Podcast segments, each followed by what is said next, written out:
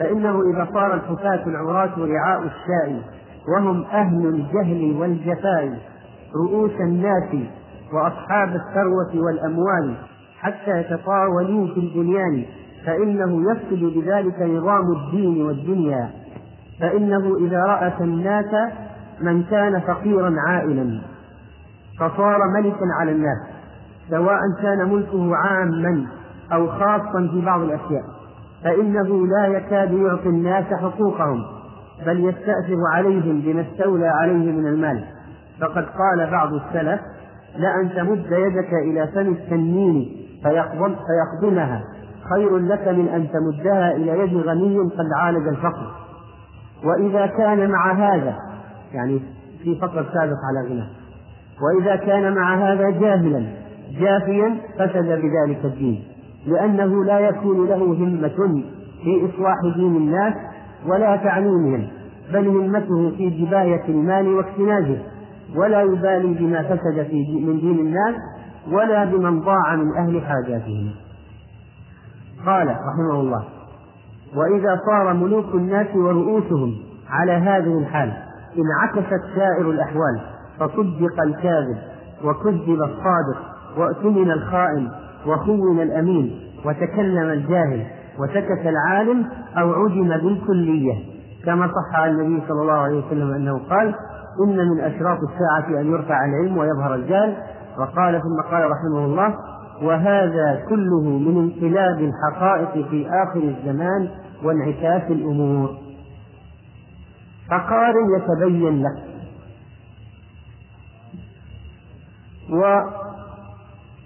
وهذا الكلام العميق من ابن رجب رحمه الله الذي يحتاج إلى التفكير والتلبس فيه مليا لمعرفة صدق النبي عليه الصلاة والسلام فيما أخبر وتحقق ما نبأ به وانطباق ذلك كله في الواقع يزيدنا إيمانا بنبوته عليه الصلاة والسلام ويزيدنا تأهبا واستعدادا لمواجهة الباطل وأهله. أما قضية التطاول في البنيان فهل هي مسألة مذمومة بحد ذاتها أو لا؟ هل التطاول في البنيان مسألة مذمومة من جميع الوجوه؟ ما معنى التطاول في البنيان قضية غير غير محمودة في الشريعة ولا مطلوبة أو غير جائزة محرمة مكروهة ما هو ما ما هو ما هي حقيقة الأمر؟ الجواب أن نختصر الجواب اختصارا شديدا نقول إذا كان رفع البناء للحاجة فلا بأس ولا شك في جوازه وإذا كان رفع البناء تطاولا وإعجابا وتكبرا واختيالا وأثرا وبصرا فلا شك أنه مذموم. وإذا عرفنا هذا الفارق والفيصل سهل علينا بعد ذلك أن نفكر بالنصوص الشرعية. فمثلا هذا حديث أخرجه أبو داود. أن النبي صلى الله عليه وسلم خرج فرأى قبة مشرفة. فقال ما هذه؟ قالوا هذه لفلان رجل من الأنصار. فجاء صاحبها فسلم على رسول الله صلى الله عليه وسلم فأعرض عنه. فعل ذلك مرارا وأعرض عنه. فهدمها الرجل فهدمها الرجل. وجاء في حديث آخر في طريق آخر الحديث كل بناء وأشار بيده هكذا على رأسه أكثر من هذا فهو وبال والكلام الذي جاء في بعض في عبارات بعض السلف مثل لا تطيلوا بناءكم فإنه شر أيامكم. وغير هذا الكلام يبين لنا أن الشيء الذي ذموه هو ما كان بلا حاجة. لكن وجود العمارات السكنية الآن في هذه المدن المكتظة بالناس التي تحتاج إلى بناء مساكن ذات طوابق لاستيعاب الأعداد. هذا ليس مذموما بحد ذاته. لأن الحاجة إليه واضحة. تدعو الحاجة إليه. فلا إشكال فيه. لكن واحد يتطاول في البنيان ويرفع بناءه يجعل طوابق ويرفع السقف. يعني تدخل على السقف تجد السقف عالي جدا. ما ما الحاجة إلى على السقف؟ مثلا. أو أن يجعل طوابق ما يدخل إلا في واحد منهم. ولا هو يؤجر الباقي مثلا حتى تقول أنه ينتفع. يرفع البناء يجعله عاليا دون فائدة. وإنما مجرد تباهي وتفاخر وعمارته أطول من عمارته. هذا المذموم الذي هو إضاعة أموال وخراب للإخلاص ولا شك.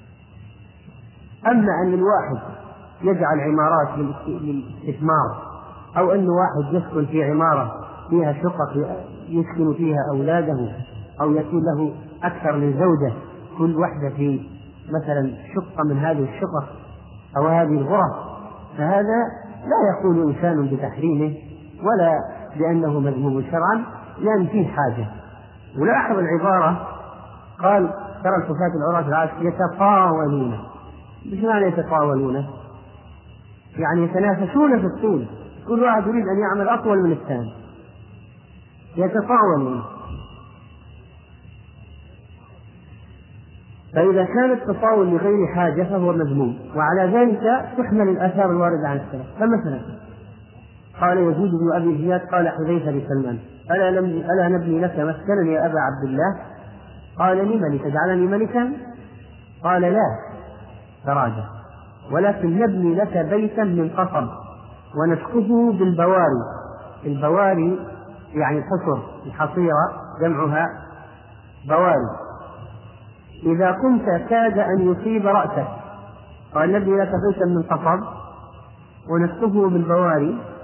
إذا كنت كاد أن يصيب رأسك وإذا نمت كاد أن يمس طرفيك قال كأنك أنت في نفسي نفس ما تعبر به. موجود عندي. وجاء في بعض المصنفات نزل المسلمون حول المسجد يعني بالبصرة في أخفية الشعر. ففشى فيهم الشرف فكتبوا إلى عمر فأذن لهم في اليراع. فبنوا بالقصب ففشى فيهم الحريق. فكتبوا إلى عمر فأذن لهم في المدر ونهى أن يرفع الرجل سمكه سمكه أكثر من سبعة أذرع. وقال إذا بنيتم منه بيوتكم فابنوا منه المسجد. قال ابن عائشة كان عتبة بن غزوان بنى مسجد البصرة بالقصب. قال من صلى فيه وهو من قصب أفضل ممن صلى فيه وهو من لبن ومن صلى فيه وهو من لبن خير ممن صلى فيه وهو من آجر. وطبعا مسجد النبي عليه الصلاة والسلام كان مسقوفا بسعة النخيل أو الجريد.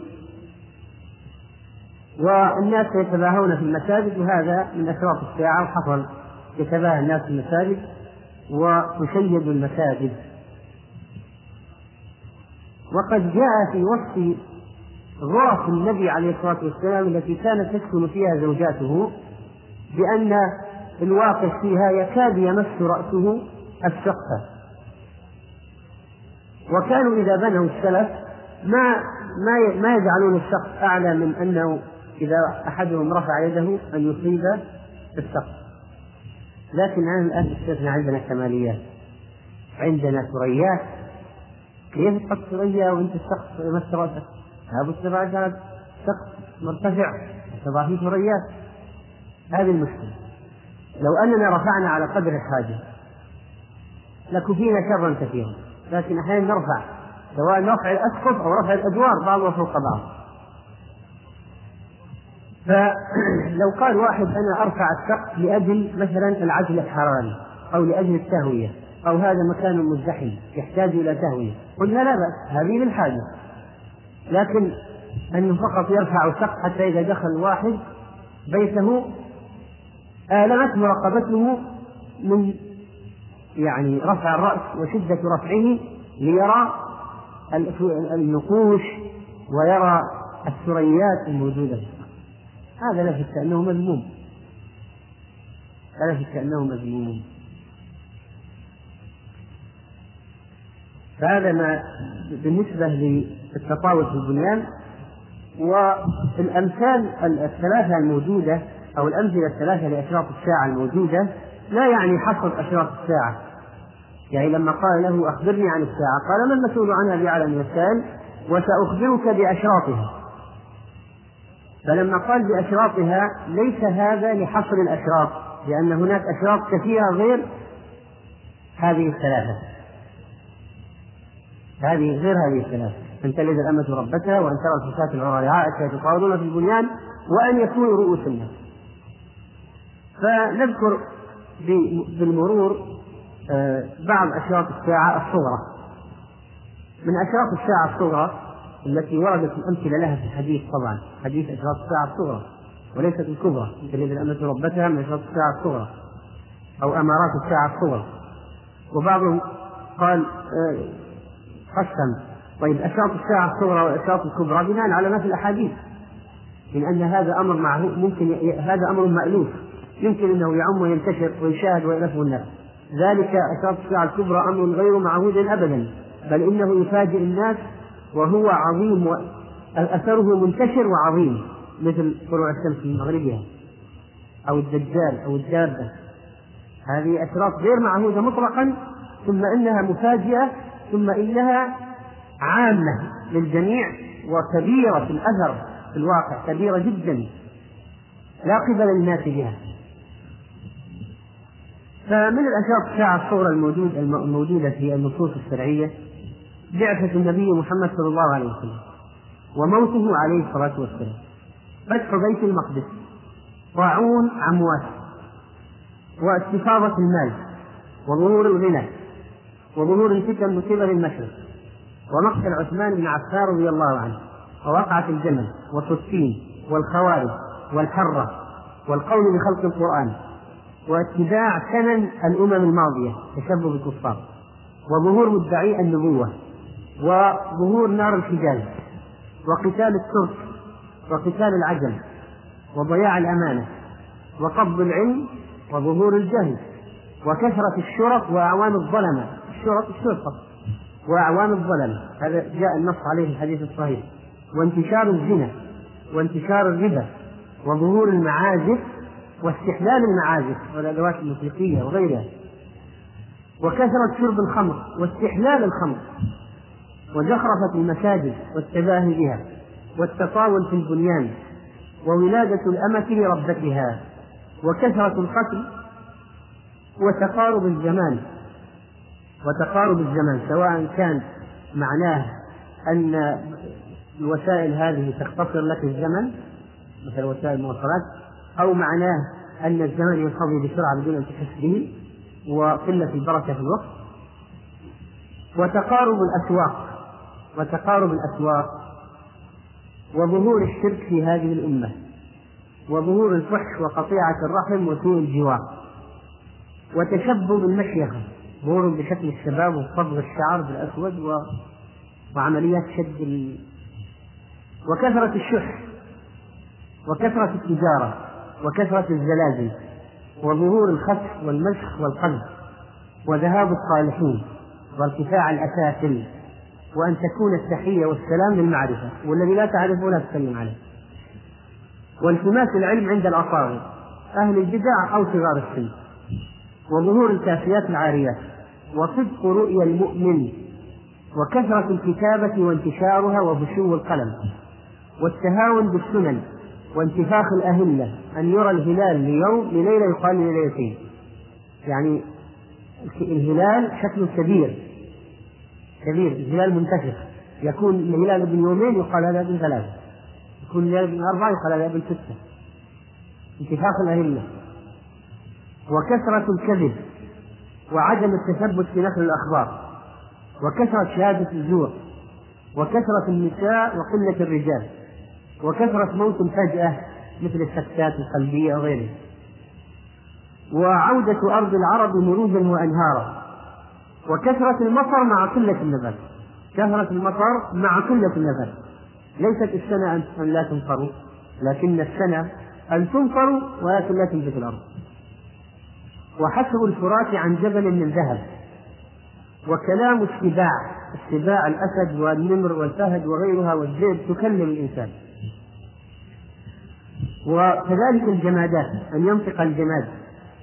وتمني الموت من شدة البلاء. وكثرة الروم النصارى. وقتالهم للمسلمين. وفتح القسطنطينية. وخروج القحطاني. وقتال اليهود. ونفي المدينة لشرارها ثم خرابها في آخر الزمان وبعث ثم خرابها في آخر الزمان وبعث الريح الطيبة لقبض أرواح المؤمنين واستحلال البيت الحرام وهدم الكعبة. وتبقى يبقى شرار الناس عليهم تقوم الساعة. على أن قضية بعث الريح إذا جئت إلى الترتيب الزمني تجد أنها بعد عيسى. يعني بعد الدجال وبعد عيسى. فربما أن بعض العلامات الصغرى تتداخل مع الكبرى. واضح؟ يعني العلامات الكبرى تقع بين علامة كبرى وأخرى كبرى بعض الأشياء الصغرى. والعلامات الكبرى محصورة في العشر التي نص عليها الحديث وغيرها في الأحاديث هو من العلامات الصغرى. و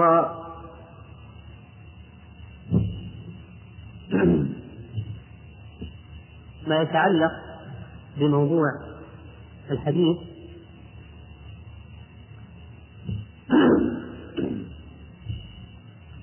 فإن الحافظ حجر رحمه الله قال كلاما في التطاول قال معنى التطاول في البنيان أن كل ممن كان يبني بيتا يريد أن يكون ارتفاعه أعلى من ارتفاع الآخر ويحتمل أن يكون المراد المباهاة به في الزينة والزخرفة أو أعم من ذلك وقد وجد الكثير من ذلك وهو في ازدياد هذا ابن حجر يقول. طبعا نحن ماذا نقول؟ مشكلة كل ما وجدنا مصيبة نرى بعض العلماء يقول وقد حصل هذا في زماننا. ولو عادوا إلى زماننا. وبهذا نكون قد أنهينا الكلام عن حديث جبريل. وندخل الآن في الحديث الذي يليه وهو حديث أركان الإسلام الخمسة. من يحفظ الحديث؟ تفضل. الحديث الثالث. في دعائم الإسلام. عن أبي عبد الرحمن عبد الله بن عمر بن الخطاب رضي الله عنه قال سمعت رسول الله صلى الله عليه وسلم يقول بني الإسلام على خمس شهادة أن لا إله إلا الله.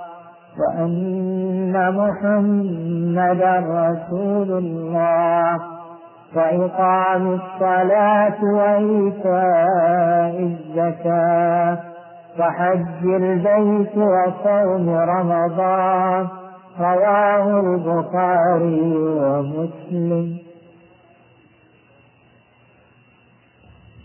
طيب. الحديث هذا الذي يبين أركان الإسلام إعداد أركان الإسلام الخمسة. هذا الحديث مروي في الصحيحين وأحمد والترمذي والنسائي وغيرهم. أخرج هذا الحديث الجليل عدد من المصنفين. قال سمعت رسول الله صلى الله عليه وسلم عبد الله بن عمر يقول سمعت رسول الله صلى الله عليه وسلم يقول بني الإسلام على خمسة. بني الإسلام على خمسة. بني معناها أن هذه الخمس هي الأركان والدعائم. وإذا عدمت هذه الخمس الأركان فإن البناء يسقط ولا يقوم أصلا. فهذه دعائم الإسلام وأركانها. ولا يثبت بنيان الإسلام بدونها. وبقية خصال الإسلام تكملة وتتمة للبنيان. ولا يعني ذكر الخمسة أنها كافية ولا داعي للباقي لأنك لو كنت تريد أن تبني بيتا فبنيت أركانه بنيت خمسة أركان. ولم تبني أسقفا ولا جدرانا ولا نوافذ ولا سقف. ما بنيت شيء آخر غير خمسة يكفي هذا؟ هذا بيت تعيش فيه يكنك من المطر تستظل فيه لا. ولذلك لو جاء واحد وقال الحمد لله أنا أقول الشهادتين وأصلي الصلوات الخمس وأدي الزكاة وأصوم رمضان وحج هنا والباقي خلاص. نفعل ما نفعل ونترك ما نترك. ما علينا. قطيعة رحم معقوق والدين زنا فجور ربا خمور. فنقول تعال. هذا الحديث يقول بني الإسلام على خمسة أين بقية البنيان؟ أين بنيانك الذي تستظل فيه وتسكن فيه؟ خمسة أعمدة فقط؟ فهذا قصور في النظرة ولذلك ينبغي أن يعلم العامة هذا المفهوم لأنهم كثيرا ما يحتجون بأنهم يفعلون أركان الإسلام الخمسة على أنهم بخير وأنهم قد قاموا بما يجب عليهم ولا شك أن أعظم هذه الخمسة هي الشهادتان لا شك أن أعظم هذه الخمسة هي الشهادة شهادة أن لا إله إلا الله وأن محمدا رسول الله متى تسمى الشهادة شهادة؟ ما هو الفرق بين الشهادة والقول؟ لو قلت أنا أشهد بكذا متى تكون شهادة شرعا؟ وما الفرق بينه وبين القول العادي؟ نعم.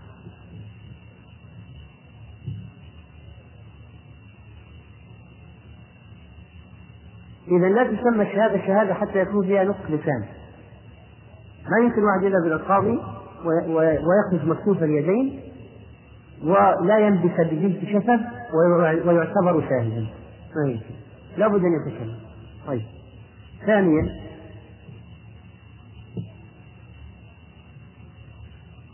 الشهادة لابد من التيقن فيها يقين في القلب. ولا القول القول ادعاء سهل لكن لا يعتبر شهادة إلا إذا كنت متيقن بها. فلما نقول هاتوا شهود أن الأرض لفلان أو هاتوا شهود على هذه الجريمة أو على الزنا أو على القتل معناها أناس رأوا وسمعوا. معناها القضية تيقن مبنية على سماع ورؤية شيء يقين حقيقي. وإلا ما تسمى شهادة. ما تسمى شهادة أحيانا يقول القاضي هذه الشهادة مردودة. لأن الأشياء التي أتى بها الشاهد لا يستفاد منها اليقين. فإذا لا بد أن يكون فيها نصف اللسان موافق ليقين في القلب حتى تكون شهادة. طيب لو تراجع الشاهد عن شهادته تقبل شهادته؟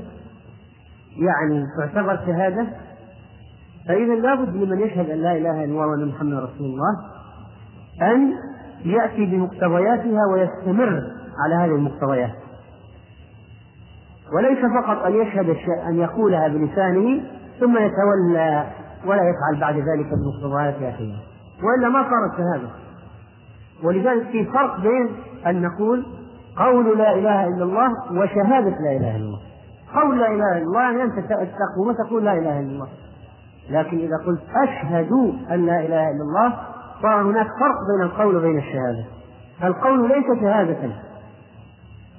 القول يختلف عن الشهادة. القول عام أعم. الشهادة مخصوصة. نطق لسان بيقين قلب مع القيام بالشروط والاستمرارية عليها لتكون شاهدا وشهيدا على الأمر. وهذا ما يوضح لنا التفريط الذي حصل من الناس في مفهوم الشهادتين. وكيف أنهم جهلوا معنى الشهادة ومقتضى الشهادة. ولذلك صارت الكلمة هينة. وكفار الجاهلية أفهموا من أهل زماننا بمعنى هذه الشهادة. لأن الرسول عليه الصلاة والسلام يقول لأبي طالب يا عم قل لا إله إلا الله. كلمة حق أشفع لك بها عند الله. قل لا إله إلا الله. وأبو جهل يصر على أن أبي طالب لا يقولها. ولماذا الإصرار؟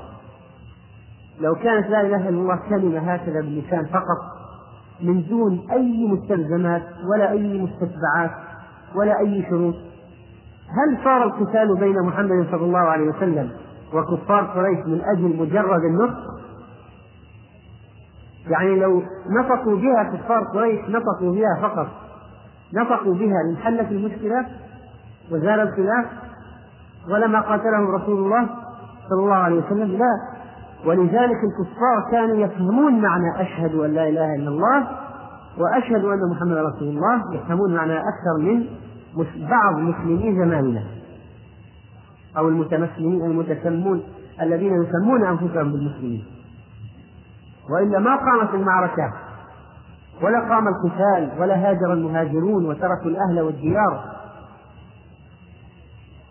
والتضحيات الكبرى التي قدمت من أجل هذه الشهادة معناها أن الشهادة هذه لها معنى خاص ولها موقع عظيم. ولذلك حصل كل ما حصل من الجهاد. فهؤلاء الجهلة في زماننا يقولون لا إله إلا الله.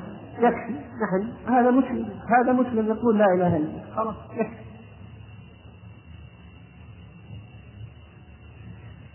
وهذا هو طبعا مذهب المرجئة الذين أرجعوا الإيمان عن العمل عن الإيمان. قالوا تكفي الشهادة تكفي الشهادتان وقالوا كلام عجيب. إذا أردنا أن نسوق بعض كلامهم المرجئة يقول المرجئة المختار عند أهل السنة. هذا واحد من المرجئة اسمه اللقاني. هذا يشرح آه، يشرح جوهرة التوحيد.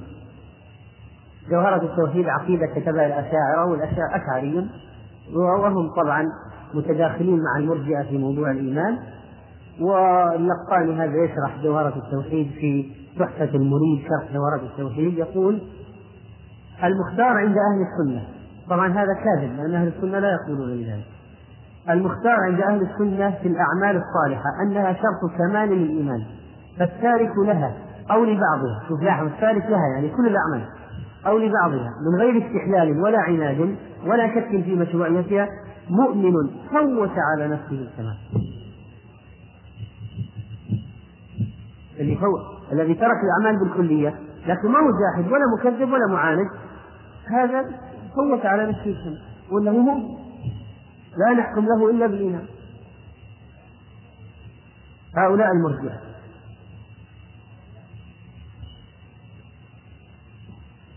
ثم يقول واحد منهم فبالجملة كلمة الشهادتين تكفي عن نفسها وغيرها. كالشاة من الأربعين تزكي نفسها وغيرها. هذا المثال. ضرب مثلا. ونسي عقيدة أهل السنة. وقد أخطأ في هذا الأمر عدد من الكبار بمسألة الإيمان و قالوا هو مجرد الإقرار والعمل لا دخل له في الإيمان أبدا طبعا هم يقولون لو دخلنا العمل في الإيمان هذا مبني على فساد تصورهم الإيمان يقولون الإيمان كله لا يتجزأ إذا أدخلنا العمل في الإيمان فماذا نقول عن الفاسق؟ ماذا نقول عن الفاسق؟ هل معه إيمان ولا لا؟ طبعا نحن نقول معه إيمان هم يقولون كيف؟ الإيمان كله لا يتجزأ. إذا دخلنا العمل في الإيمان واحد ترك أعمال معناها واحد إيمان معناها صار كافر. بل مسألة مبنية على فساد البداية أصلا وهي قولهم إن الإيمان كله لا يتجزأ ونحن نقول إن الإيمان يزيد وينقص. والفاسق المسلم معه أصل الإيمان. لكنه لا يطلق عليه أنه مؤمن وإنما يقال مسلم لأنه فاسق بكبيرته أو بالصغائر والذنوب التي يعملها. فنحن نقول الذي يشهد الشهادة يقول ينطق بالشهادتين ولا يعمل أعمال تجعله مرتدا عن الدين هذا ما هو؟ نقول هذا إنسان معه أصل الإيمان لا نكفره لأنه ما أتى بمكفر لا نكفره لكن نقول أنقص واجبات فعل محرمات إذا هو فاسق إيمانه ناقص لكن معه أصل الإيمان. فإذا الإيمان عندنا ليس كل لا يتجزأ, كل لا يتجزأ كما يقول الأشاعرة أو المرجئة وإنما نقول الإيمان يزيد وينقص. ومن الناس من ما عندهم أصل الإيمان أبدا مثل المرتدين والكفار والمعاندين. ومن الناس من هو معه أصل الإيمان لكن أعماله ناقصة ترك واجبات أو فعل محرمات. هذا فاسق معه أصل الإيمان. ومن الناس مجتهدين في الطاعات سابقين بالخيرات. فهؤلاء مؤمنون. في مسألة الإيمان والعمل كثيرا لأنهم يرون أن الذي يتخلى عن الأعمال بالكلية هو مؤمن. الذي ينطق بالشهادتين فقط مؤمن مؤمن. ولو ما عمل ولا عمل ونصوا على ذلك في كتبهم ومؤلفاتهم.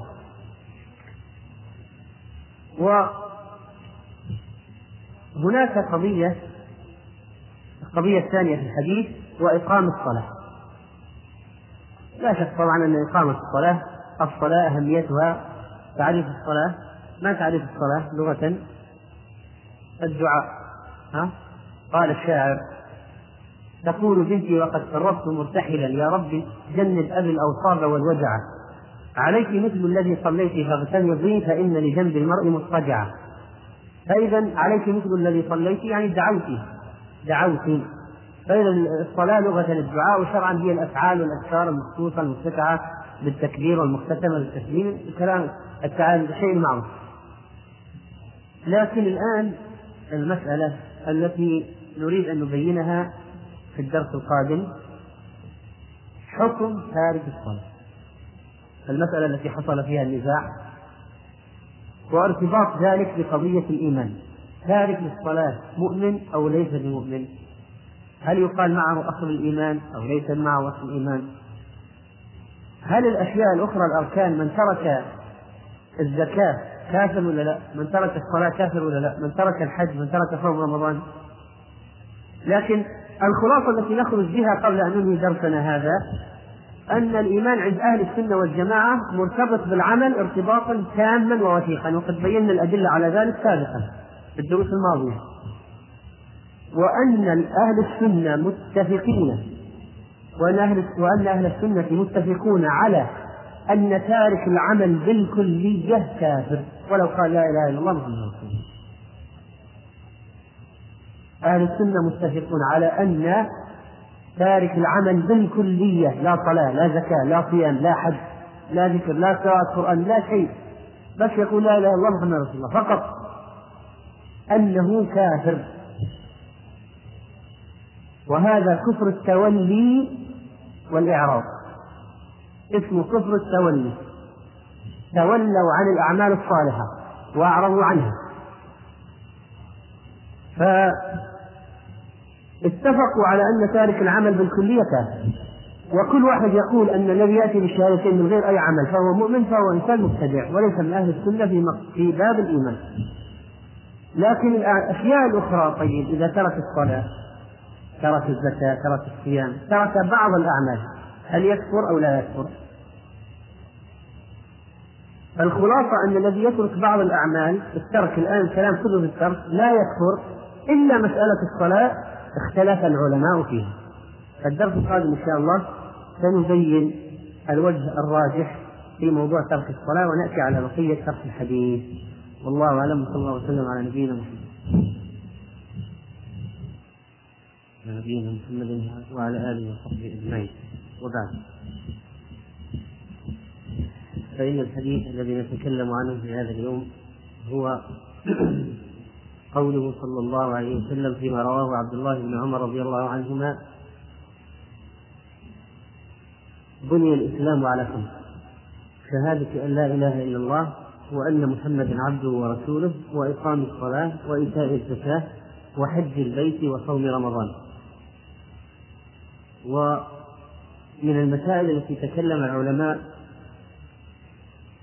عنها في هذا الحديث حكم تارك الصلاة. وتارك الصلاة أو حكم تارك الصلاة قد اختلف فيه اختلافا شديدا ولكل طائفة من أهل العلم من الفريقين حجج وأدلة. وسنختصر في هذا الدرس شيئا من الحجج للفريقين ثم يتبين بعد ذلك للسامع ما هو الراجح في هذه المسألة إن شاء الله. ومن أفضل من تكلم في عرض حجج الفريقين هو ابن القيم رحمه الله تعالى في كتاب الصلاة وحكم تاركها. كتاب الصلاة وحكم تاركها. ونبدأ بذكر أدلة الذين يقولون بأن تارك الصلاة كافر.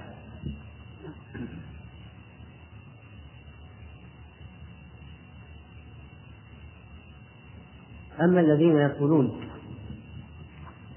بأن تارك الصلاة كافر فلهم أدلة من القرآن والسنة. طبعا ينبغي على الطالب العلم أن يكون محايدا في البحث. ولا ينطلق في البحث تقليدا لأحد وإنما يبحث وينظر ما هو الأقوى من الأدلة. والإنسان مهما حاول أن يكون محايدا قد لا يستطيع أن يكون مئة بالمئة سالم من كل المداخلات لأنه قد يعيش مثلا في بلد يفتي فيه العلماء بفتوى معينة أو منتشرة فيه الفتوى بحيث أنه ألفها فيكاد من الصعب أن يخرج عنها. ولكن على أي حال الإنسان يبحث ويقرأ ويسأل حتى يتبين له الحق. أولا ما هي أدلة الذين يقولون بكفر تارك الصلاة؟ من القرآن. قول الله عز وجل يوم يكشف عن ساق ويدعون إلى السجود فلا يستطيعون. خاشعة أبصارهم ترهقهم ذلة وقد كانوا يدعون إلى السجود وهم سالمون. هذه الآية جاءت في معرض الكلام على المسلمين والمجرمين لأن الله عز وجل قال أفنجعل المسلمين كالمجرمين؟ ما لكم كيف تحكمون؟ أم لكم كتاب فيه تدرسون؟ إن لكم فيه لما تخيرون أم لكم أيمان علينا بالغة إلى يوم القيامة؟ ثم قال يوم يكشف عن ساق ويدعون إلى السجود فلا يستطيعون. خاشعة أبصارهم ترهقهم بالله. وقد كانوا يدعون إلى السجود وهم سالمون. وجاء في تفسير هذا الحديث في صحيح البخاري أن الله عز وجل يكشف عن ساقه ربنا يكشف عن ساقه فلا يبقى من كان يسجد لله في الدنيا إلا سجد وأما الذين تركوا السجود إلى الله تركوا السجود لله في الدنيا فإنه يحال بينهم وبين السجود فلا يستطيعون السجود مع المسلمين المصلين. واضح الدليل هذا؟ واضح؟ طيب. الدليل الثاني. الذي استدلوا به أيضا قول الله عز وجل فإن تابوا وأقاموا الصلاة وآتوا الزكاة فإخوانكم في الدين. فالله عز وجل جعل أخوة الدين مبنية على أمور فمنها التوبة من الشرك والكفر وإقام الصلاة وإيتاء الزكاة.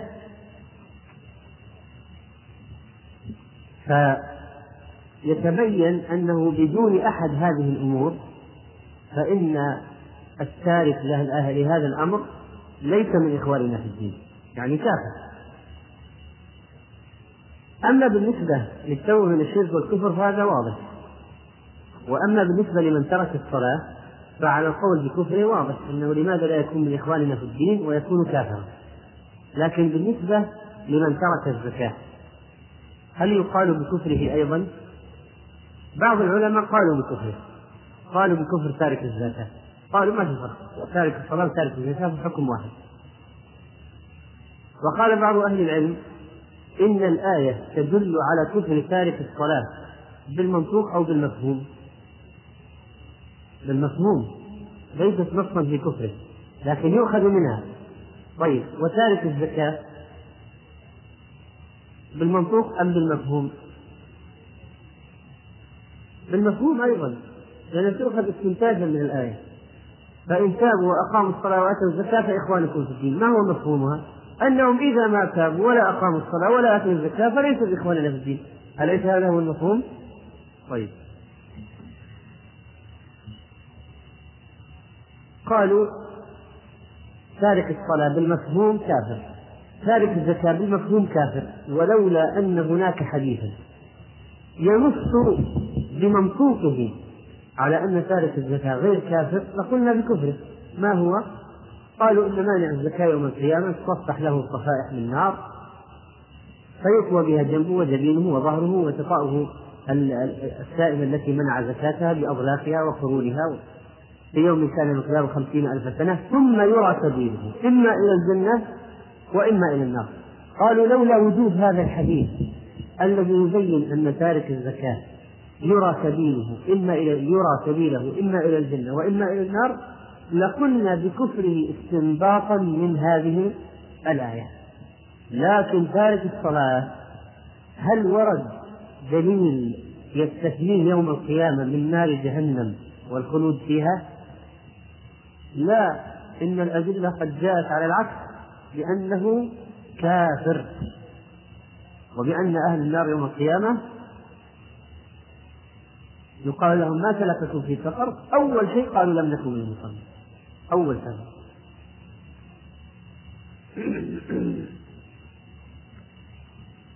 طيب.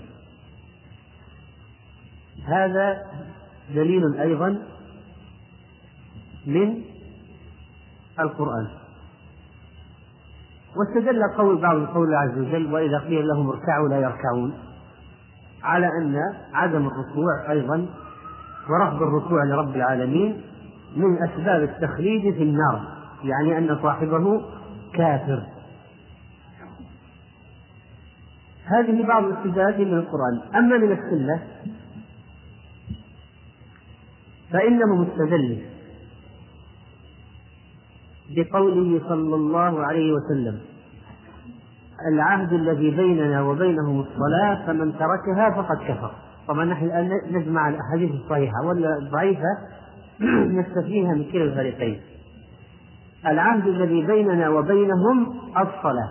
العهد الذي بيننا وبينهم الصلاة. فمن تركها؟ فمن تركها فقد كفر. وليس هناك أفرح من هذا. نص صريح جدا في كفر تارك الصلاة.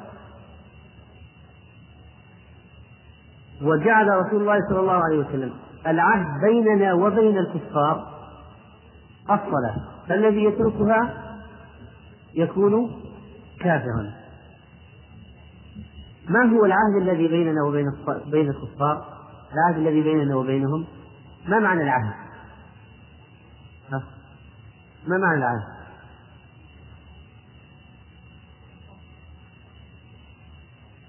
الحد الحد بيننا وبينهم ترك الصلاة. فمن تركها فقد كفر.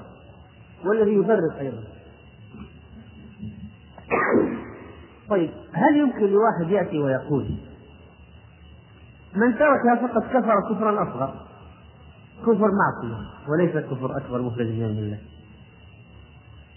لو اعترضوا على من يقول بهذا بأن تارك الصلاة كافر كفر أصغر. فمن تركها فقد كفر يعني كفرا أصغر.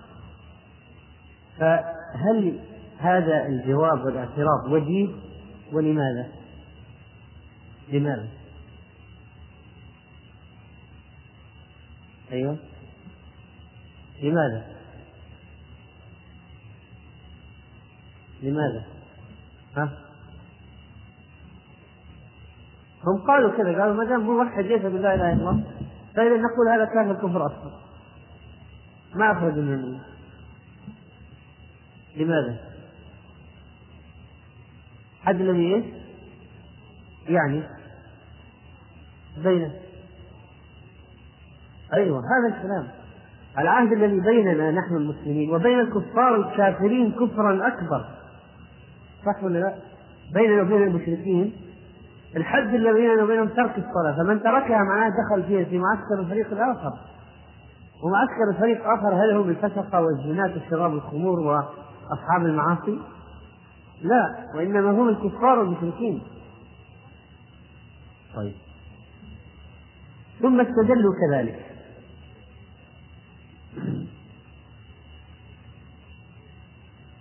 بقوله طبعا فإذا الآن واضح أنه العهد الحد الذي بيننا وبين الكفار لا يمكن أن يكون أشياء من الكفر الأصغر صح ولا لا؟ أقول الحد الذي بيننا وبين الكفار لا يمكن أن يكون من أنواع الكفر الأصغر هذا بيننا وبين الفساق مثلا بين المؤمنين والفاسقين. لكن بين المسلمين والكفار لا يكون الحد اللي بينهم من الكفر الأصغر فوجب حمله على الكفر الأكبر المخرج من الملة. بل الكافر كفر أصغر من المسلمين. صح؟ الكافر كفرا أصغر من المسلمين. ولهذا كانت الصلاة شعارا ودلالة تميز المسلمين عن الكفار في أحكام الدنيا والآخرة. يكون متوضئا ولا يتوضأ أصلا ولا يصلي تارك الصلاة بالكلية معناه أنه تارك للوضوء أيضا. فهل يكون غرا محجلا يوم القيامة؟ لا. ولذلك قال الشيخ الإسلام تيمية رحمه الله فدل ذلك على أن من لم يكن غرا محجلا لم يعرفه النبي صلى الله عليه وسلم فلا يكون من أمته. فلا يكون من أمته. ومن أدلة تكفير تارك الصلاة أيضا كفرا أكبر. الحديث الصحيح الذي رواه الإمام مسلم عن جابر رضي الله عنه. بين الرجل وبين الشرك والكفر ترك الصلاة. بين الرجل وبين الكفر والشرك ترك الصلاة. فمن تركها. نعم بين الرجل وبين الشرك والكفر ترك الصلاة. فهذا الحديث جعل فيه النبي صلى الله عليه وسلم الحد الفاصل بين الإسلام والكفر ترك الصلاة. فمن التزم بالصلاة فهو مسلم ومن ترك الصلاة فهو كافر. طيب لو قالوا لماذا لا يكون الشرك الأصغر والكفر الأصغر؟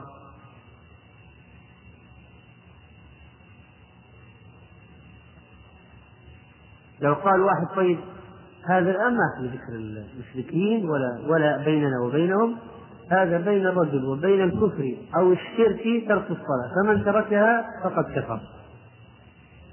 طيب آه لا بين الرجل وبين الشرك أو الكفر ترك الصلاة. هذا الحديث هذا حديث مسلم.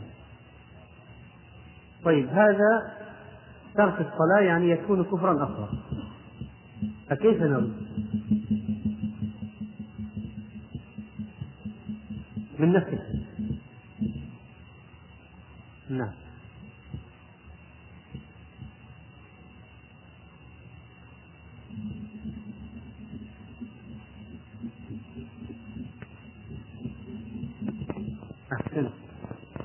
أنه قد عرفه هنا بأل فقال بين رجل وبين الشرك أو الكفر. وأل التعريف هذه ماذا تعني؟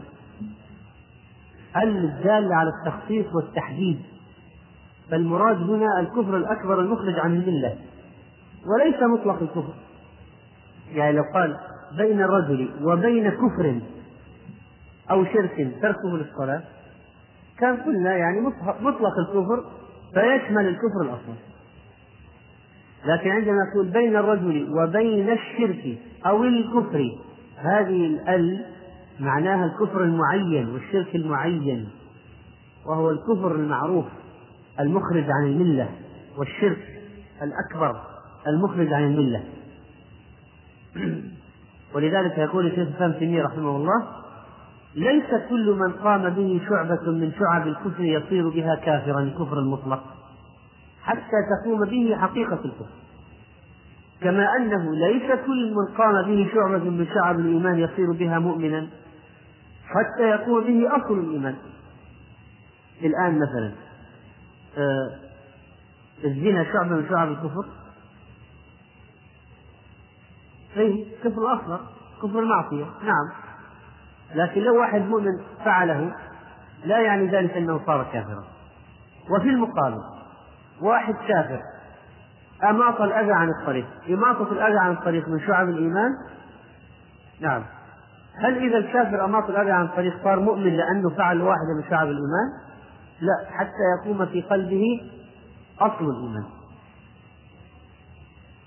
وفرق هذا كلام ابن تيمية وفرق بين الكفر المعرف باللام كما في قوله صلى الله عليه وسلم ليس بين العبد وبين الكفر أو الشرك إلا ترك الصلاة وبين كفر منكر في الإثبات.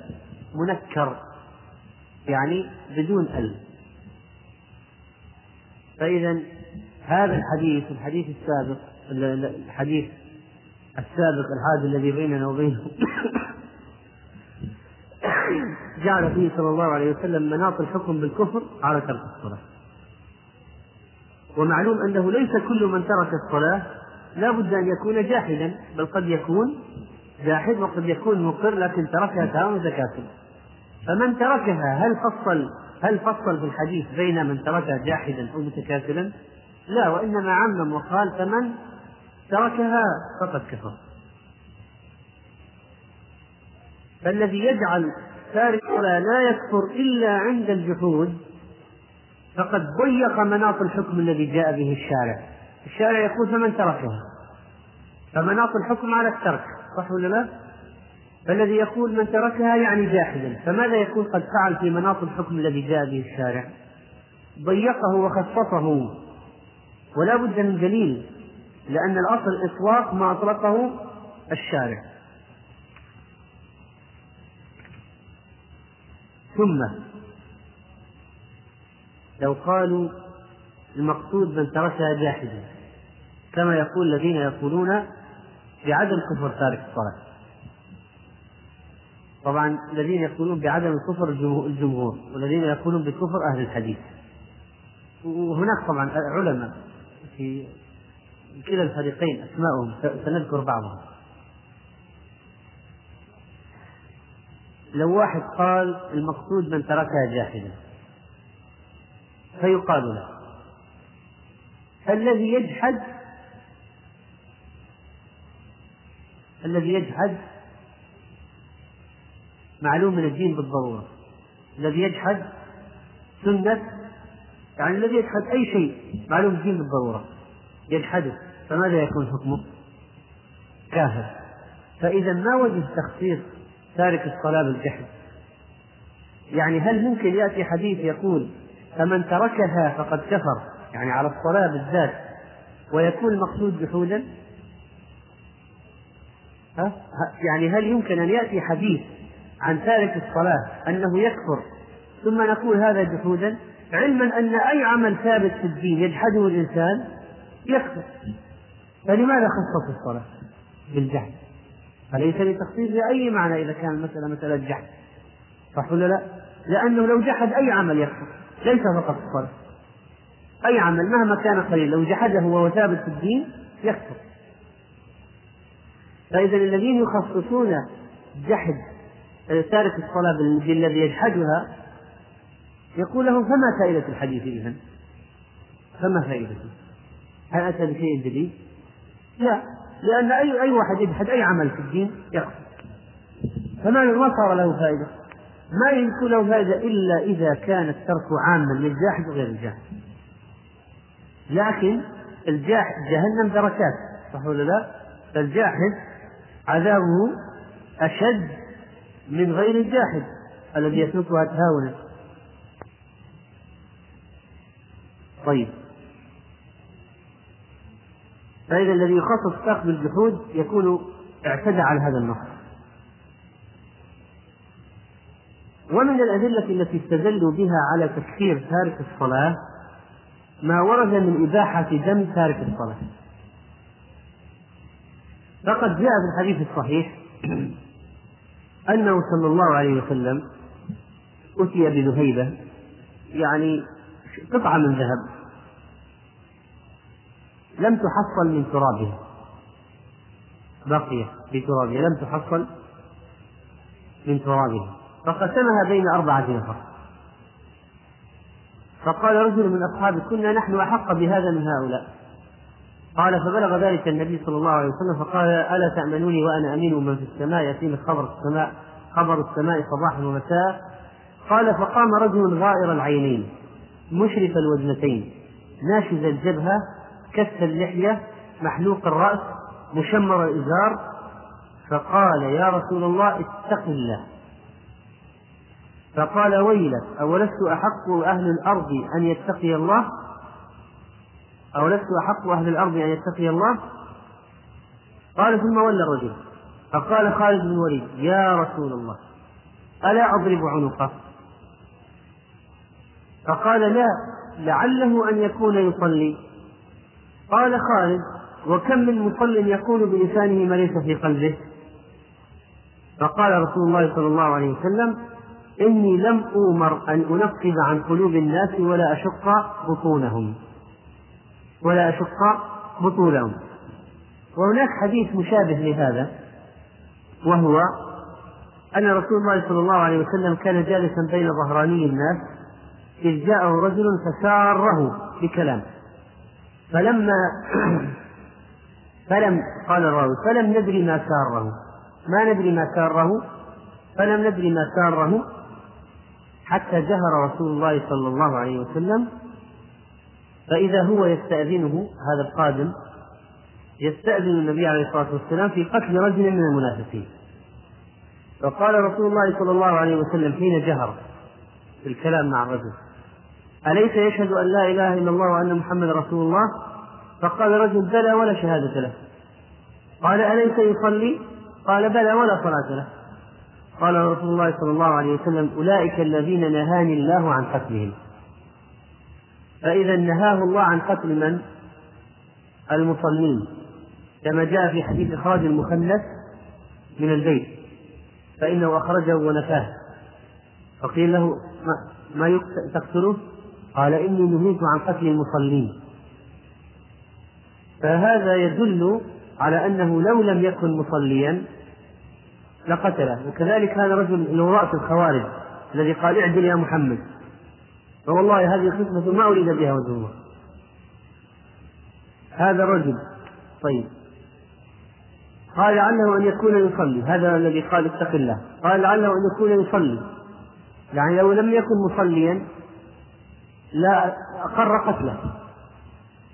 فإذا يؤخذ منه أن رسول الله صلى الله عليه وسلم جعل تارك جعل إقامة الصلاة مانعة من القتل. مانعة من القتل وعاصمة للدم. وعاصمة للدم. طيب لو واحد قال طيب يمكن قتل الصلاة حدا ليس ردة ليس بكافر وإنما لو قتلنا يقتل حدا.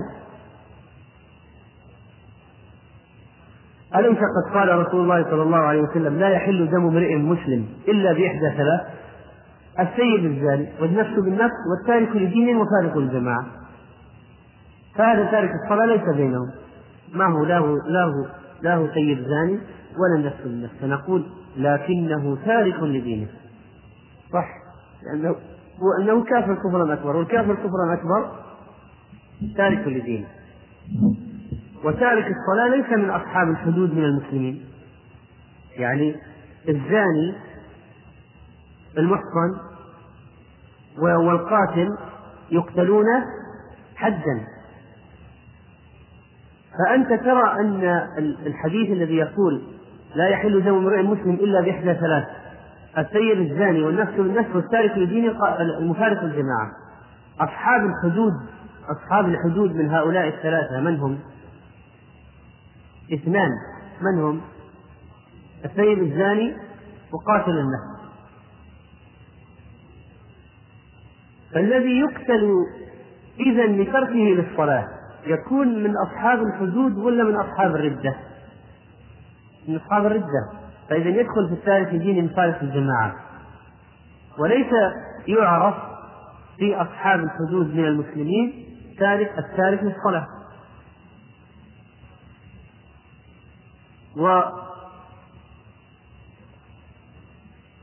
والحديث هذا إذن يدل أيضا على أن ترك الصلاة أو أن إقامة الصلاة مانعة من القتل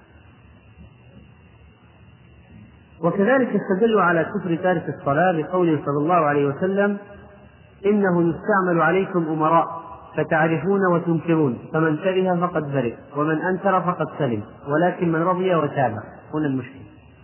قالوا أفلا نقاتلهم؟ قال لا ما صلوا.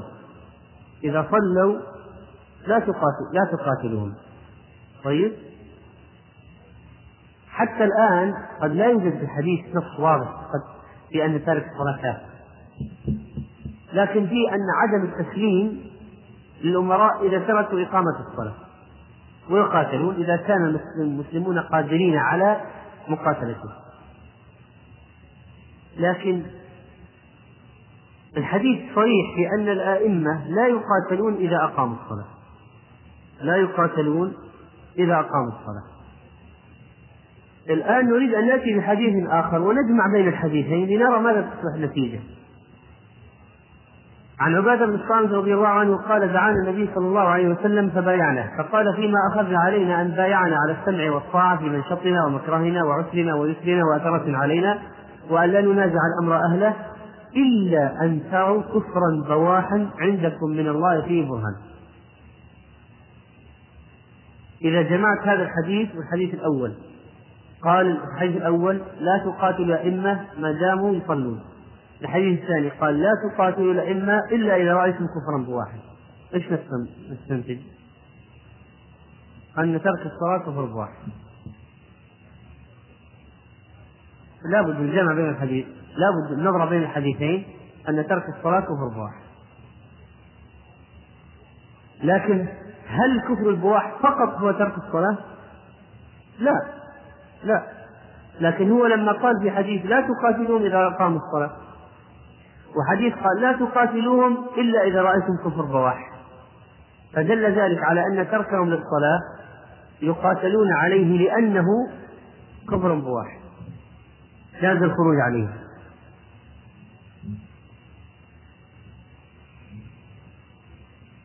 طيب. الآن نرى إذا كان هناك أدلة أخرى.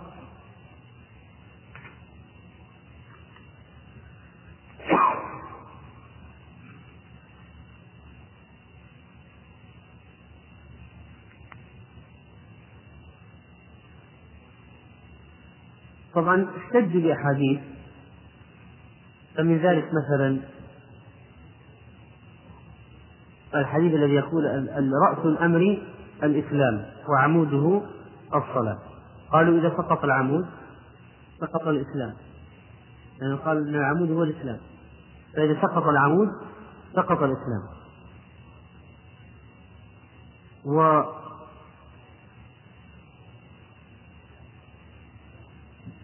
جاء حديث الصلاة عمود الدين من طريق مرسل لكن يشهد له حديث وعموده الصلاة. فقال ابن القيم ألست تعلم أن الفسطاط إذا سقط عموده سقط سقط الفسطاط يعني مثل الخيمة. إذا سقط العمود سقطت الخيمة سقط الفسطاط ولم ينتفع بالصنف ولا بالأوتاد. وإذا قام عمود الفسطاط انتفعت انتفعت بالصنب والأوتاد. وكذلك الصلاة من الإسلام. وكذلك الصلاة من الإسلام. وحديث أن العبد يوم القيامة أول ما يحاسب عن عمل الصلاة فإن قبلت قبل سائر عمله. وإن ردت حبط سائر عمله. وإن حبطت الصلاة حبط سائر عمله. و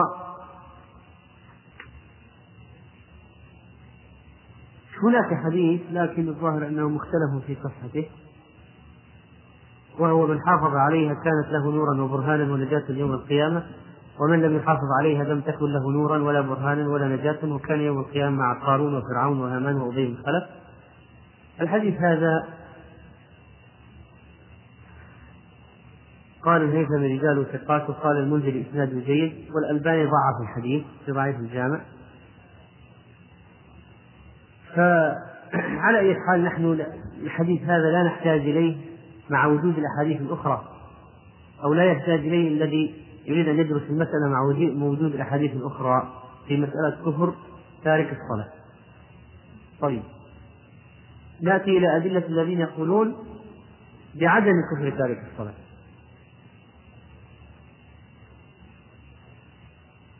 الذين يقولون بعدم كفر تارك الصلاة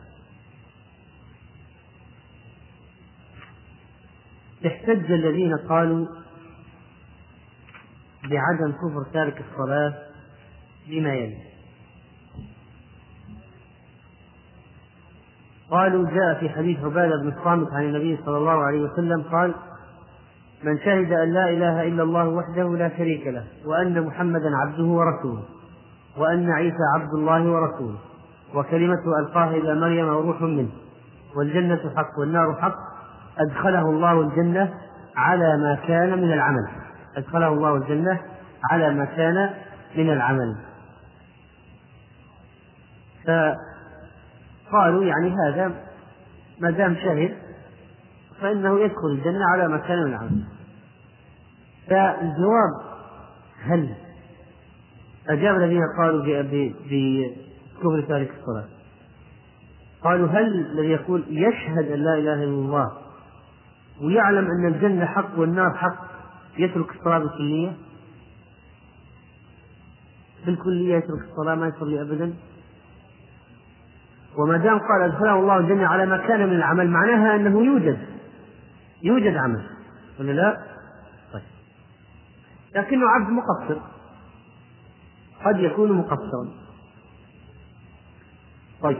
واستدلوا بحديث ما من عبد يشهد أن لا إله إلا الله وأن محمد رسول الله إلا حرمه الله على النار. طيب قالوا إذا تارك الصلاة. يشهد أن لا إله إلا الله وأن محمد رسول الله. طيب ألا ترى أن الحديث حرمه الله على النار ميزة عظيمة؟ يعني حتى الذين يعملون أشياء أقل من ترك الصلاة ما تحصل لهم. صح؟ يعني لو واحد بلاش ترك الصلاة واحد يعمل أشياء أقل من كذا يحرم على النار بسبب هذا؟ لا لأنه ما جاء بشروط الشهادة. الشهادة هي مفتاح الجنة لكن مفتاح من غير أسنان ما يفتح. فإذا إقامة الصلاة من شروط لا إله إلا الله. يعني الذي لا يقيم الصلاة يناقض أصل لا إله إلا الله يخالف أصل لا إله إلا الله. طيب. وكذلك استدلوا بحديث أسعد الناس بشفاعة من قال لا إله إلا الله خالصا من قلبه. هل الذي يترك الصلاة بالكلية يكون قال لا إله إلا الله خالصا من قلبه؟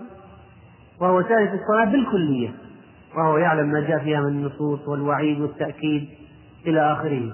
وهو تارك الصلاة بالكلية يكون قد قال لا إله إلا الله مخلصا من قلبه؟ لا. إذا ما الذي يدخل الجنة؟ من قال لا إله إلا الله مخلصا من قلبه ولا يكون مخلصا من قلبه إلا إلا وقد جاء بأركان الدين. بأركان الدين. لكن نقول واحد لا يصلي ولا يزكي ولا يصوم ولا يحج ولا يفعل ثم يدخل الجنة لأنه يقول لا إله إلا الله مخلصا من قلبه. هذا مخلص من قلبه. لو مخلص من قلبه كان أقل شيء جاب أركان الدين. فضلا عن الأشياء الأخرى التي تشهد على إخلاصه وصدقه.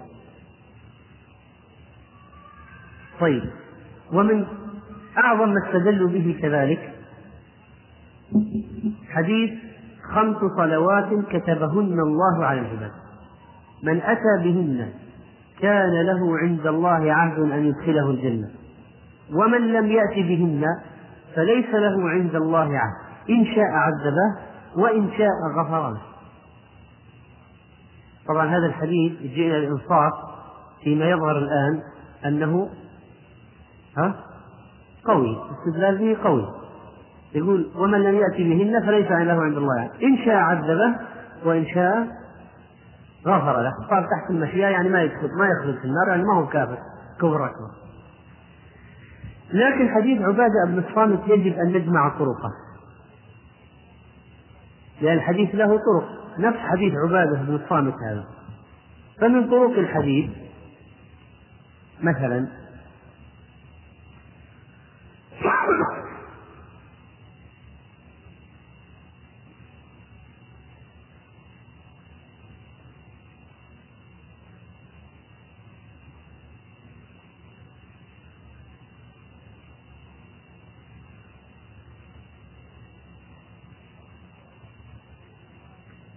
خمس صلوات كتبهن الله على العباد في اليوم والليلة.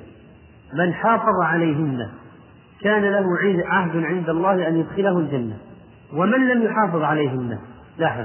ومن لم يحافظ عليهن؟ لم يكن له عهد عند الله. إن شاء عذبه وإن شاء غفر له. فإذا اللي ما يحافظ عليها اللي هو تحت المشيئة هل يلزم أن يكون تاركا بالكلية؟ لا. إحنا الآن لا نناقش مسألة واحد يصلي ويخلي. إحنا الآن نناقش مسألة واحد تارك بالكلية. طيب؟ فالآن حديث عبادة بن الصامت فيه لفظة أحد الألفاظ يقول ومن لم يأتي بهن. ولفظة يقول ومن لم يحافظ عليهن. وفيه طريق آخر أيضا يقول خمس صلوات فرضهن الله على العباد من أتم وضوءهن وركوعهن وخشوعهن. ها؟ كان الله حق الله يدخله الجنة. ومن لم يتم وضوءهن وركوعهن وخشوعهن فهو تحت المشيئة فإذا الحديث واحد الحديث كله حديث عبادة حديث واحد. يعني ما يجي واحد يقول طيب يا أخي هذا تحت المشيئة وهذا تحت المشيئة لا هو حديث واحد.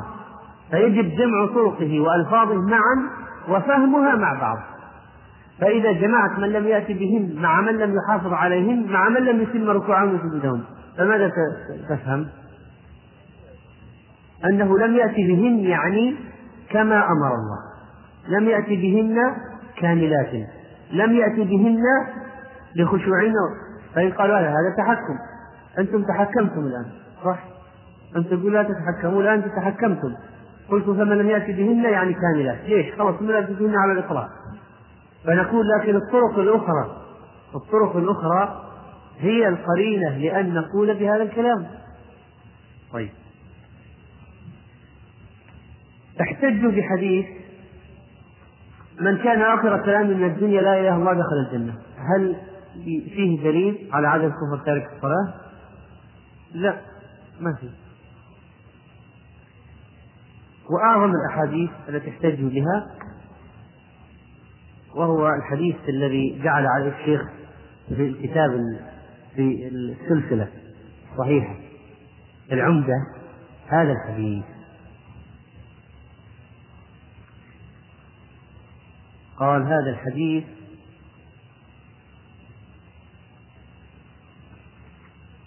قال هذا نص قاطع ينبغي أن يزول به النزاع في هذه المسألة بين أهل العلم طبعا هذا صعب جدا كيف هذه مسألة قديمة كيف يزول النزاع فيها بين أهل العلم ما هو الحديث؟ قال إذا خلص المؤمنون من النار وأمنوا فوالذي نفسي بيده. ما مجادلة أحدكم لصاحبه في الحق يكون له في الدنيا بأشد من مجادلة المؤمنين لربهم في إخوانهم الذين أدخلوا النار. قال يقولون ربنا إخواننا كانوا يصلون معنا ويصومون معنا ويحجون ويحجون معنا ويجاهدون معنا فأدخلتهم النار. قال فيقول اذهبوا فأخرجوا من عرفتم منهم فيأتونهم. فيعرفونهم بصورهم. لا تأكل النار صورهم. لم تغشى الوجه. لأن أعضاء السجود لا تأكلها النار. فمنهم من أخذته النار إلى أنصاف ساقيه ومنهم من أخذته إلى كعبيه فيخرجون منها بشرا كثيرا. فيقولون ربنا قد أخرجنا من أمرتنا. حتى الآن في دليل على أن تارك الصلاة الكلية لا يكفر. لا بالعكس. في دليل على أن اللي يصلي وفاسق له فسق يخرج من النار بالشفاعة ويعرف بآثار السجود.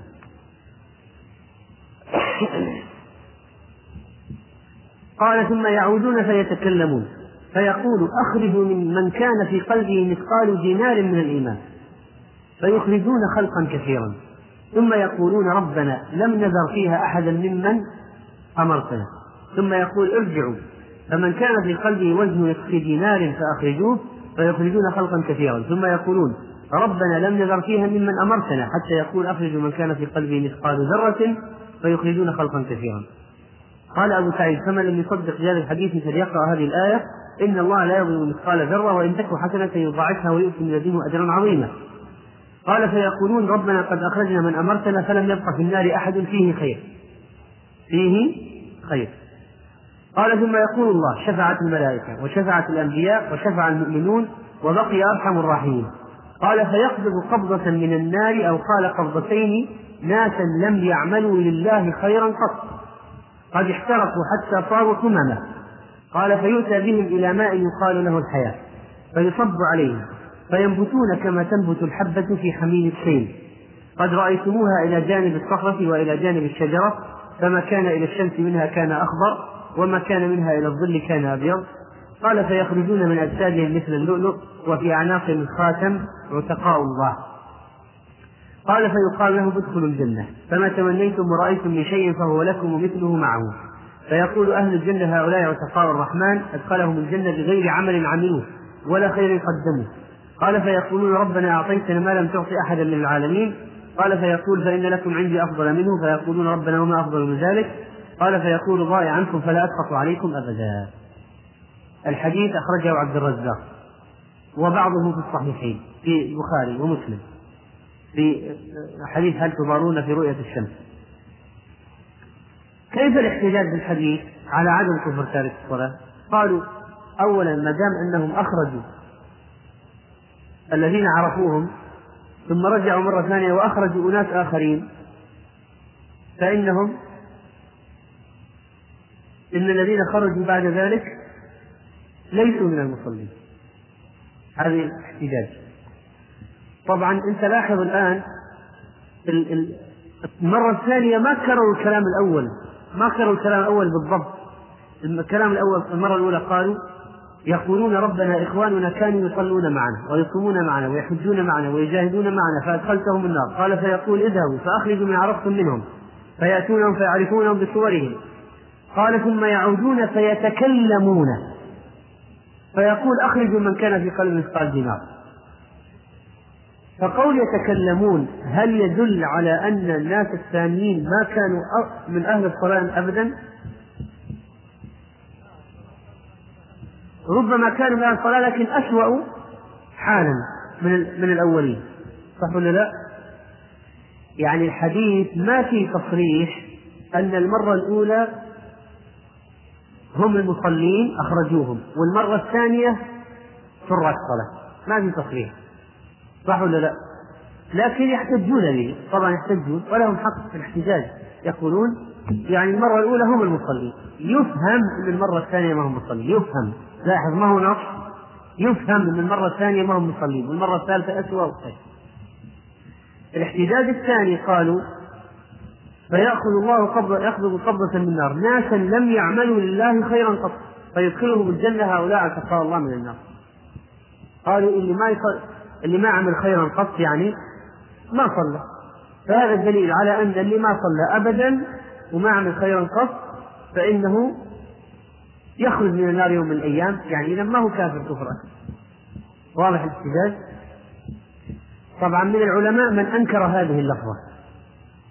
الذي قال يعني لم يعملوا خيرا قط. قال أحد الرواة فيه مذهب الإرجاء والراوي إذا روى ما وافق بدعته وهو الإرجاء يعني ما ما عمل خيرا أبدا فإن لا يؤخذ بروايته. المهم مسألة فيها كلام طويل عليه قضية ثبوت اللفظة لم يعملوا خيرا قط. وبعض العلماء قالوا إن لفظة لم يعملوا لله خيرا قط لفظة غريبة وغريبة جدا. كيف؟ قالوا لم يعملوا لله خيرا قط قط يعني يشمل من لم يقل لا إله إلا الله. لأن قول لا إله إلا الله خير ولا لا؟ فإذا قال من لم يعمل خيرا قط أبدا معناها حتى لا إله إلا الله ما قالها وش يفهم من الحديث هذا؟ المفهوم أن الكفار يدخلون الجنة. صح؟ لأنه لم يقولوا خيرا قط.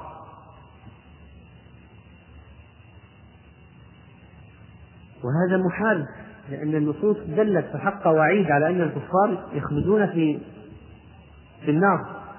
ولذلك بعض العلماء قالوا هذا الحديث اللفظ هذه من المتشابهات ونحن على قواعد أهل السنة نرد المتشابه إلى المحكم.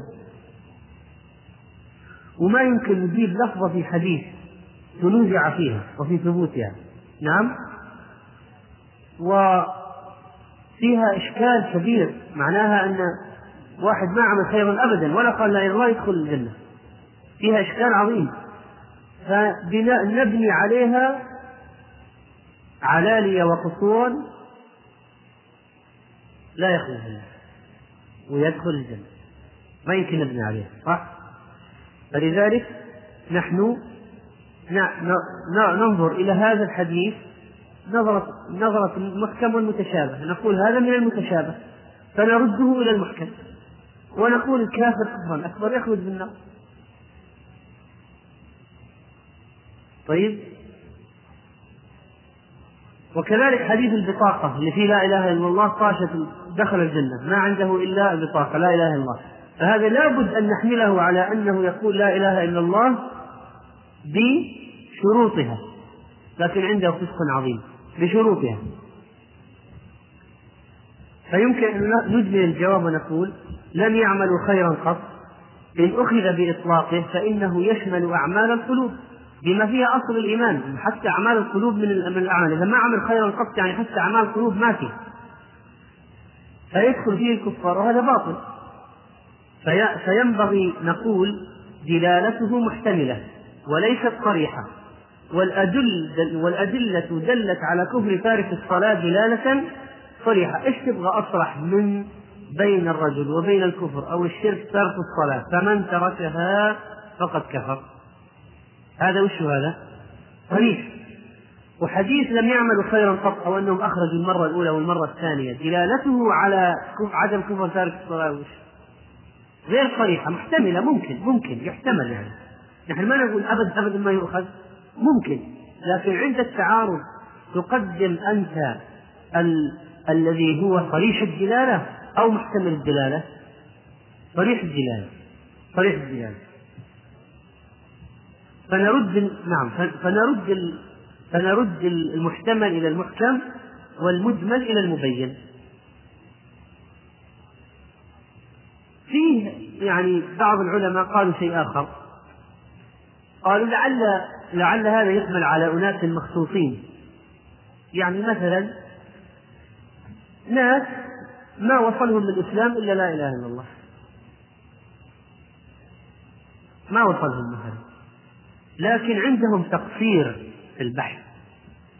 أدخلهم النار أنهم يعني مقصرين عندهم تقصير. لكن ما وصل إليهم العلم بالصلاة والزكاة والصيام إلى آخره.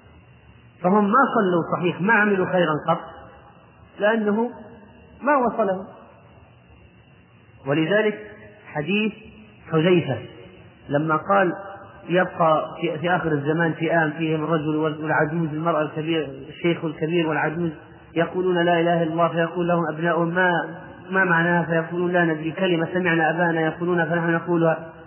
فقال صلة صلة يقول لحذيفة يعني طيب فماذا تنفعهم الكلمة هذه؟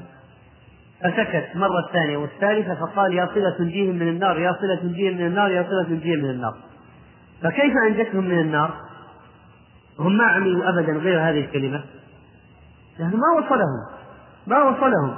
خلاص يعني ذكر الإسلام ما وصلهم إلا هذه الكلمة فأنجتهم من النار.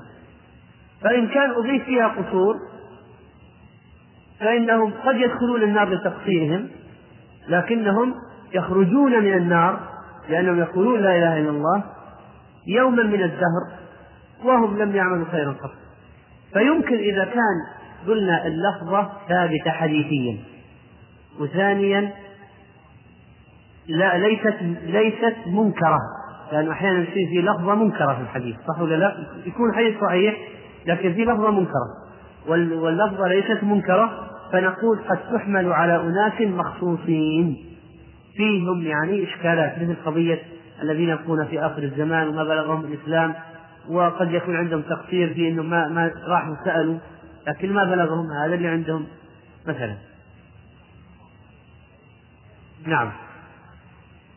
فإذا الآن ثم تعالوا إلى دليل آخر.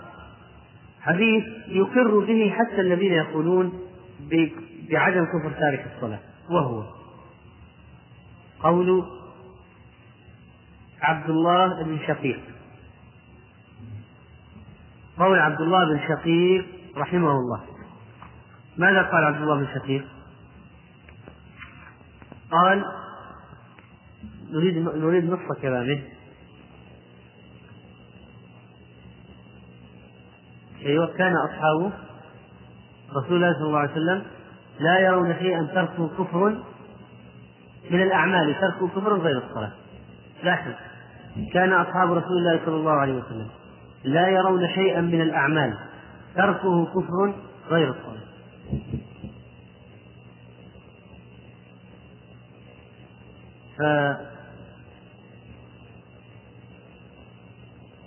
العمل الوحيد الذي كان الصحابة يرون أن تركه كفر هو الصلاة. وقد طرحت السؤال عن العلامة المحدث لكن ما رأيت الجواب مقنعا. هذا الحديث.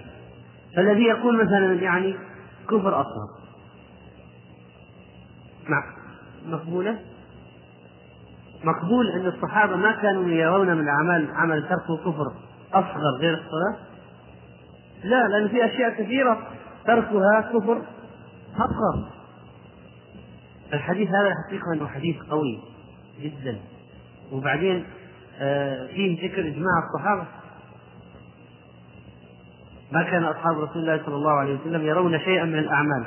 تركه كفر غير الصلاة. يعني ترك الكفر ولا يمكن أن نقول كفر أصلا. ولا كفر دون كفر. لأن يعني هناك أعمال كثيرة تركها كفر أصلا. ليش هذا بالذات؟ يعني معناه هذا الكفر كفر أكبر. ولا يمكن أن نقول تركها جحودا كفر غير الصلاة لأن في أشياء ثانية تركها جحودا أيضا كفر. فكيف نحمل الحديث؟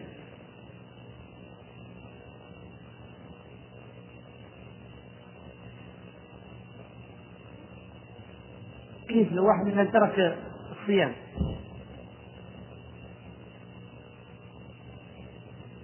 ترك بر الوالدين ترك صلة الرحم. كفر أكبر إيش تقول عنه؟ وهو الأعمال كفر أكبر أو كفر أصغر؟ فماذا تقول؟ في ترك الصيام مثلا. هذا الكلام. الآن طبعا القيم رحمه الله ذكر مبحث مهم هنا في كتاب الصلاة وحكم تاركها قال الكفر كفران. الكفر كفران. كفر أكبر كفر أصغر. وقال الكفر كفران. كفر أكبر كفر أصغر. وكذلك الكفر من ناحية من ناحية أخرى ينقسم إلى قسمين. كفر جحود وكفر عمل. فالشخص الذي يجحد هذا لا خلاف في أنه يكفر لأنه ضد الإيمان أصلا. طيب. أما كفر العمل فينقسم إلى شيء مخرج عن الملة وشيء غير مخرج عن الملة. فإن كان العمل يضاد بالإيمان من أصله يضاد الإيمان من أصله فإن صاحبه يكفر كفرا أكبر. مثل من سجد لصنم أو لصنم أو أهان المصحف أو قتل النبي أو سبه طيب. نأتي الآن على الترك. واحد ترك العمل. ترك العمل. فالحديث الآن عبد الله بن شقيق ما كان أصحاب رسول الله صلى الله عليه وسلم يرون شيئا من الأعمال. تركه كفر إلا الصلاة.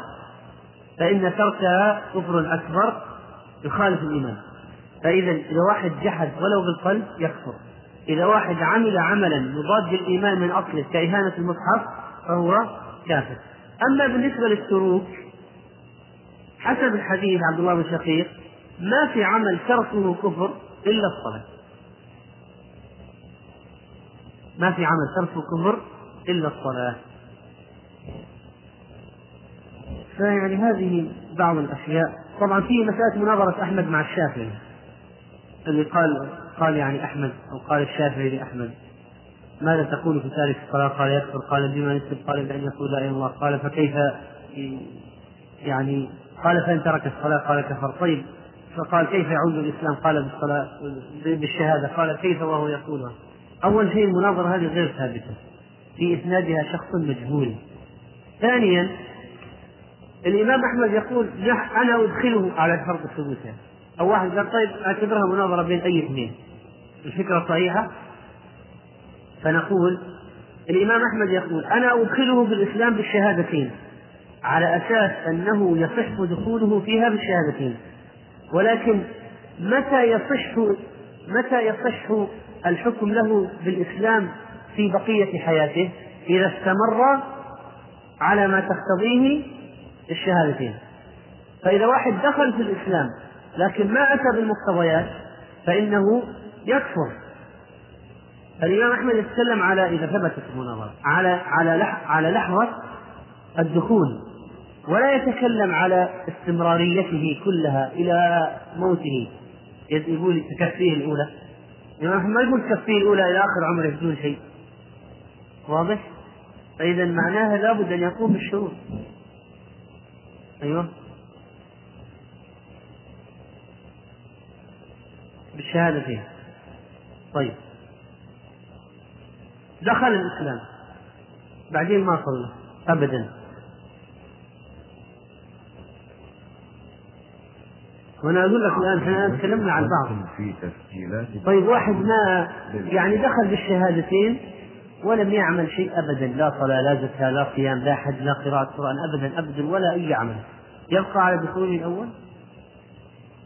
ما حقق الشهادتين نحن لحظة الدخول لحظة النطق بالشهادة قلنا أنت الآن مسلم. لكن بعدين جاء وقت الصلاة الأولى جاء وقت الزكاة جاء وقت الصيام وهو معرض أبدا ما يسمع ولا شيء. فهل يبقى له الحكم الأول الذي ثبت له بنطق الشهادتين؟ ما يبقى له الحكم الأول. أخرج نفسه عن الحكم الأول. هذا كفر التولي.